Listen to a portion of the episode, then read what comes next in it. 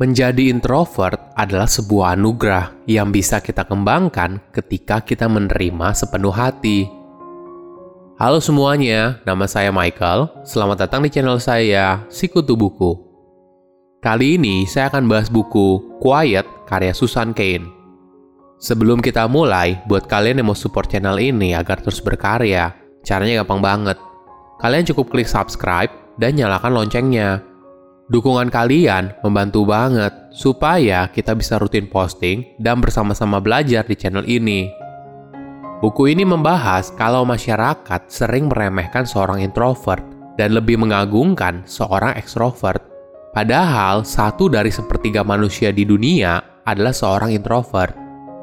Mereka adalah orang yang lebih senang mendengarkan daripada berbicara. Orang yang suka berinovasi dan menciptakan sesuatu tapi tidak menyukai berdiri di depan orang banyak. Mereka yang senang bekerja mandiri daripada bekerja dalam sebuah tim.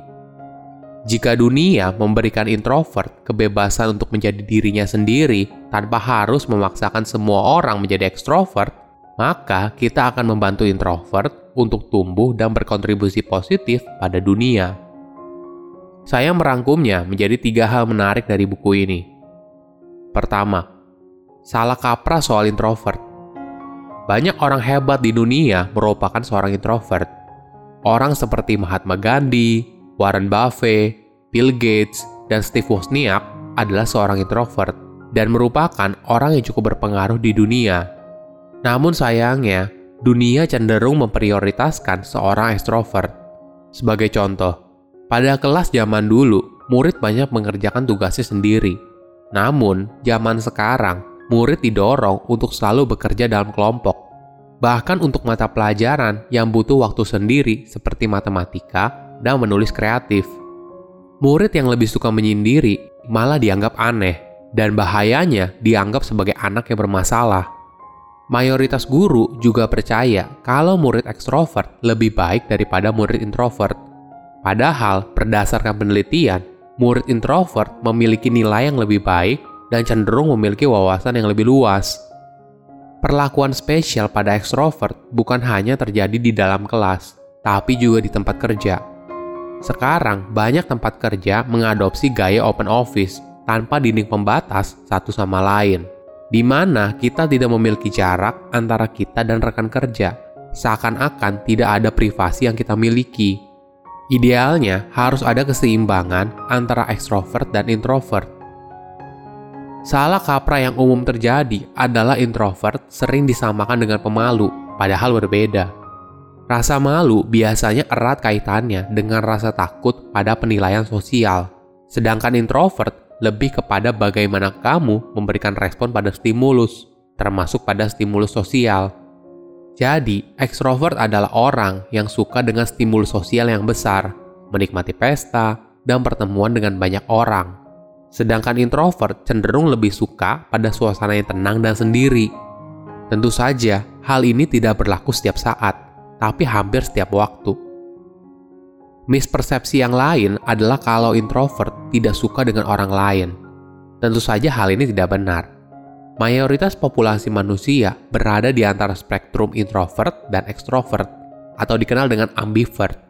Bahkan, psikolog Carl Jung yang mempopulerkan istilah ini mengatakan kalau di dunia tidak ada orang yang murni ekstrovert atau murni introvert. Kedua, pergeseran budaya di tempat kerja. Ada alasannya kenapa orang zaman sekarang lebih suka dengan ekstrovert dan jawabannya ada di sejarah budaya. Di Amerika Serikat pada zaman dulu, budayanya lebih cenderung pada orang yang punya karakter yang baik – masyarakat lebih menghargai apa yang ada di dalam diri seseorang, terutama akhlaknya. Contohnya bisa dilihat dari buku pengembangan diri pada zaman dulu banyak berisi topik soal karakter.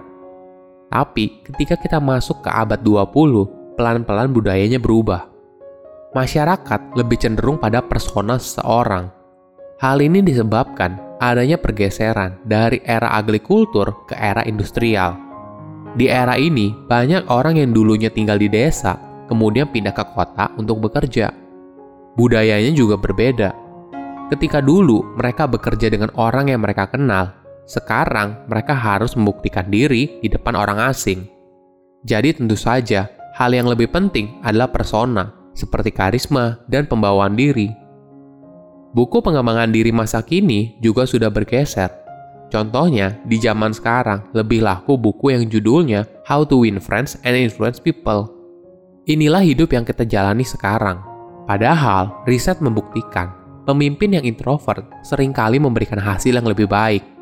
Hal ini disebabkan ketika mereka memiliki karyawan yang proaktif, mereka cenderung lebih banyak mendengar sehingga karyawannya memiliki kebebasan untuk mengutarakan idenya. Sedangkan pemimpin yang ekstrovert cenderung terlalu bersemangat pada ide mereka sendiri, sehingga ide orang lain cenderung sulit diterima. Pemimpin introvert cocok untuk memimpin karyawan yang kreatif dan inovatif, sehingga dia mampu mendapatkan hasil terbaik dari karyawannya. Hal yang berbeda apabila karyawannya cenderung pasif. Maka pemimpin ekstrovert lebih unggul karena memiliki karisma yang kuat dan mampu mengarahkan mereka. Pada tahun 2008, ketika krisis ekonomi melanda Amerika Serikat, perbedaan antara gaya kepemimpinan introvert dan ekstrovert terlihat jelas.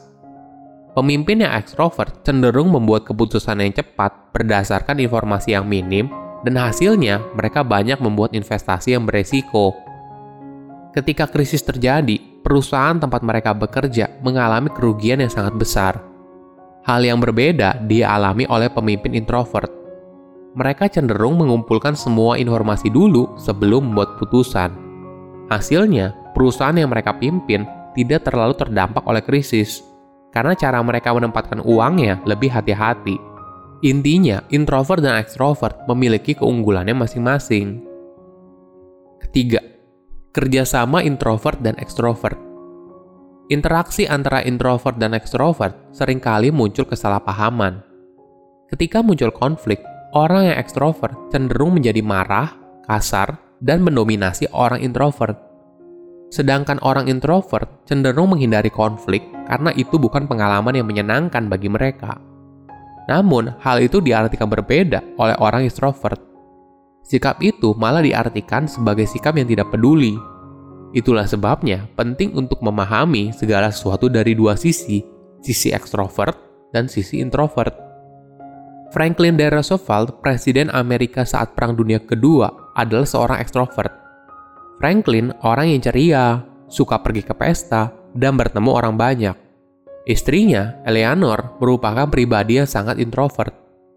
Eleanor lebih suka pembicaraan yang serius dan pulang dari pesta secepat mungkin. Walaupun keduanya berbeda, tapi mereka mampu menghasilkan hal besar bersama-sama. Eleanor membuka mata suaminya soal kemiskinan anak dan diskriminasi minoritas. Ketika Eleanor mengetahui kalau penyanyi kulit hitam bernama Marian Anderson dilarang untuk tampil di Constitution Hall pada tahun 1939, Franklin dan dia menggabungkan kekuatan politik Franklin dan hati nurani Eleanor untuk memastikan Marian bisa tampil di sana. Dunia butuh bukan hanya introvert atau extrovert, dunia butuh keduanya. Ada masanya seorang extrovert yang open-minded juga menginginkan pembicaraan yang dalam, bukan hanya small talk.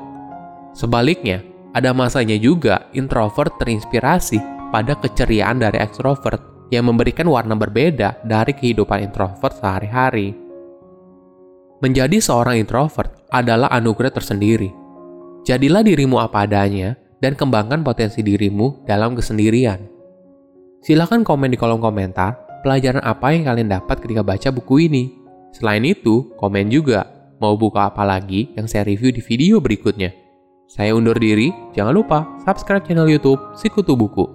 Bye bye.